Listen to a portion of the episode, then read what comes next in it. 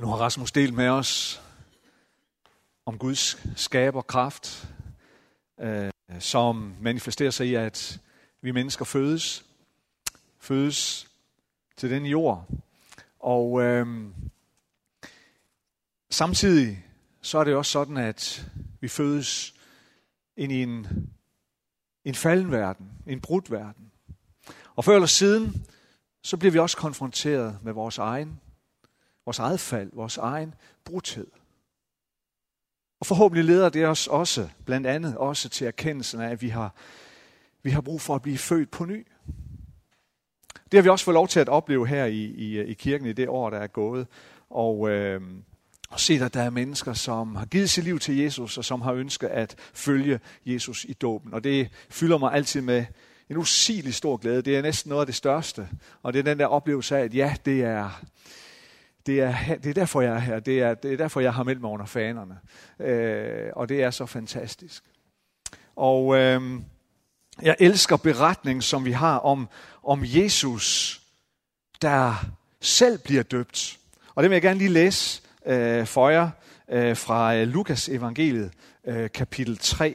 Og der står der sådan her i vers 21 og øh, 22. Og det skete, da hele folket lod sig døbe, og også Jesus blev døbt. Og mens han bad, at himlen åbnedes, og Helligånden dalede ned over ham i lægemlig skikkelse som en due, og der lød en røst fra himlen, du er min elskede søn, i dig har jeg fundet velbehag. Om mindre end to måneder, så øh, fejrer vi jul. Vi, øh, vi fejrer det, som vi med et, øh, et teologisk udtryk kalder for øh, inkarnationen. At Gud blev menneske. At ordet blev kød. Og inkarnation, det handler også om identifikation. Det handler om, om, om, om Guds identifikation i Jesus Kristus. Med vi mennesker, med vores livssituation. Det er Guds identifikation med vores behov, både fysisk, sjælsligt og åndeligt. Blandt andet derfor lod Jesus sig døbe. Han, som var uden synd, identificerede sig med vores synd. Han, som var uden fald, identificerede sig med vores fald og vores brudhed. Han har vist os vejen. Jesus har vist os vejen til efterfølgelse. Og samtidig så står Jesu egen dåb jo også som et, et profetisk billede på det, der skete i påsken. Jesu død og opstandelse. Da Jesus går ned i Jordanfloden og lader sig døbe, og han rejser sig op igen, og Guds ånd daler ned over ham som en due, så ser vi på en og samme tid både lidelsen og korset langfredag og den tomme grav påskemorgen. Paulus, han beskriver det sådan her i Kolossenserbrevet, det andet kapitel. I ham blev I også omskåret. Ikke med hånden, men ved at aflægge det syndige læme, ved omskærelse til Kristus, da I blev begravet sammen med ham i dåben. Og i den blev I også oprejst sammen med ham ved troen på Guds kraft, der oprejste ham fra de døde. Også jer, der var døde i jeres overtrædelser, uomskårne på kroppen, gjorde Gud levende sammen med ham, da han tilgav os vores overtrædelser. Han slettede vort gældsbevis med alle dets bestemmelser imod os. Han fjernede det ved at navle det til korset. Han afvæbnede magterne og myndighederne, stillede dem offentligt til skue og førte dem i sit triumftog i Kristus.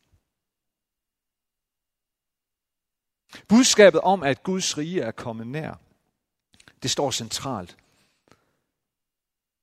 i det Jesus han sagde til os, da han gik her på jorden. Og det, at fornyelsen og genoprettelsen er nær, det er samtidig et kald til dig og mig. Et kald til, at vi vender os væk fra et liv uden Gud, og begynder at leve et nyt, et andet liv. Et nyt liv sammen med Gud. Og det er ikke et liv udelukkende i vores egen kraft og vores egen formåen. For det hører fortiden til. Men det er et liv i hans kraft. Ham, som er gået forud for os. Ja, selv i dåben. Det er derfor, vi døber mennesker her i Betelkirken. Fordi dåbshandlingen, den bliver dermed et ydre tegn på, at vi har skiftet sind. Fordi omvendelse, som Bibelen taler om, det handler jo om at skifte sind og levemåde. Og vi døber her i kirken i fuld frimodighed.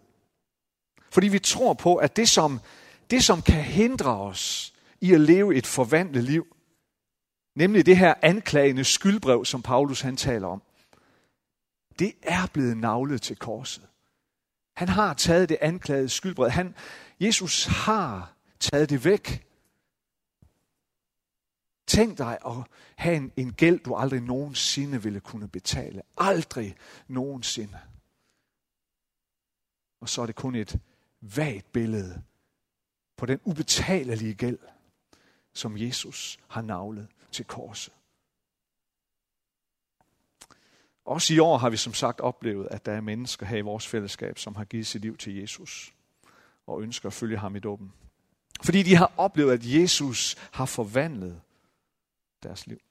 Så har de ønsket at lade sig døbe. Fordi de har oplevet en indre forvandling, så har de valgt at tage imod dåben som et ydre udtryk for den indre forvandling. Men også som en lydighedshandling over for Jesus. Over for den Jesus og den Herre, som har kaldet dem til det. Og det glæder vi os enormt over, også som fællesskab. Og som fællesskab, der fyldes vi med taknemmelighed. Hver gang et menneske tager imod det kald og ønsker at følge det i lydighed. Og for lige at vende tilbage til Paulus, denne gang i 2. Korintherbrev kapitel 5, så siger Paulus sådan her. Altså, er nogen i Kristus, er han en ny skabning. Det gamle er forbi. Se noget nyt er blevet til. Lad os bare lige se navnene på dem, som er blevet døbt til Abelkirken siden sidste alle helgen. Therese Antonsen, Nadja Stofringen, Victoria Sisek, Lise Andersen og Saman Garderi. Lad os takke Gud for dem. Lad os takke Gud for dem. Og lad samtidig vores takkebøn også være et kald til dig, som måske endnu ikke har taget beslutningen om at følge Jesus i dåben. Måske er det netop i dag, at du skal træffe den her vigtige beslutning. Måske er det netop i dag, Jesus kalder på dig. Lad os bede sammen. Jesus, tak fordi, at du på alle måder har gået vejen for os. Jesus, tak fordi du har taget vores, vores fald, vores brudhed, vores smerte, vores lidelse. Tak fordi du har, har, har taget konsekvenserne af vores bortvendthed fra vores himmelske far. Du bar konsekvenserne af en op på korsets træ.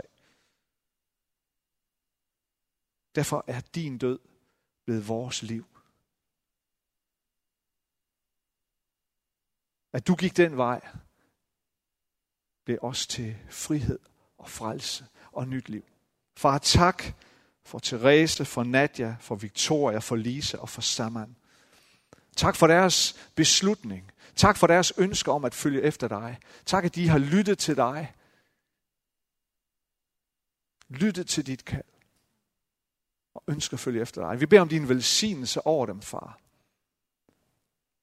I deres fortsatte vandring med dig. Må de opleve dit nærvær. Må de opleve din fred. Må de opleve styrke ind i deres liv. Også når livet er svært. Når vejen kan være svær at finde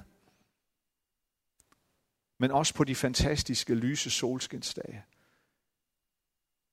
Må de altid opleve, at du er dem nær, at du elsker dem, Og du altid vil dem det allerbedste. At du aldrig vil svigte dem og aldrig vil forlade dem. Men at du altid vil omslutte dem. Altid vil føre dem og lede dem. Og drage omsorg om dem. Lad din velsignelse være over dem. Og lad dit kald fortsat nå ud til mennesker. Både dem, vi har berørt med, ud over vores by og vores land og vores verden her. Kaldet til at efterfølge dig. Kaldet til at lægge sit liv i dine hænder. Må det stå stærkt, og må det runge stærkere og stærkere og stærkere i tiden, der kommer. Det beder vi om noget til her. I Jesu navn. Amen.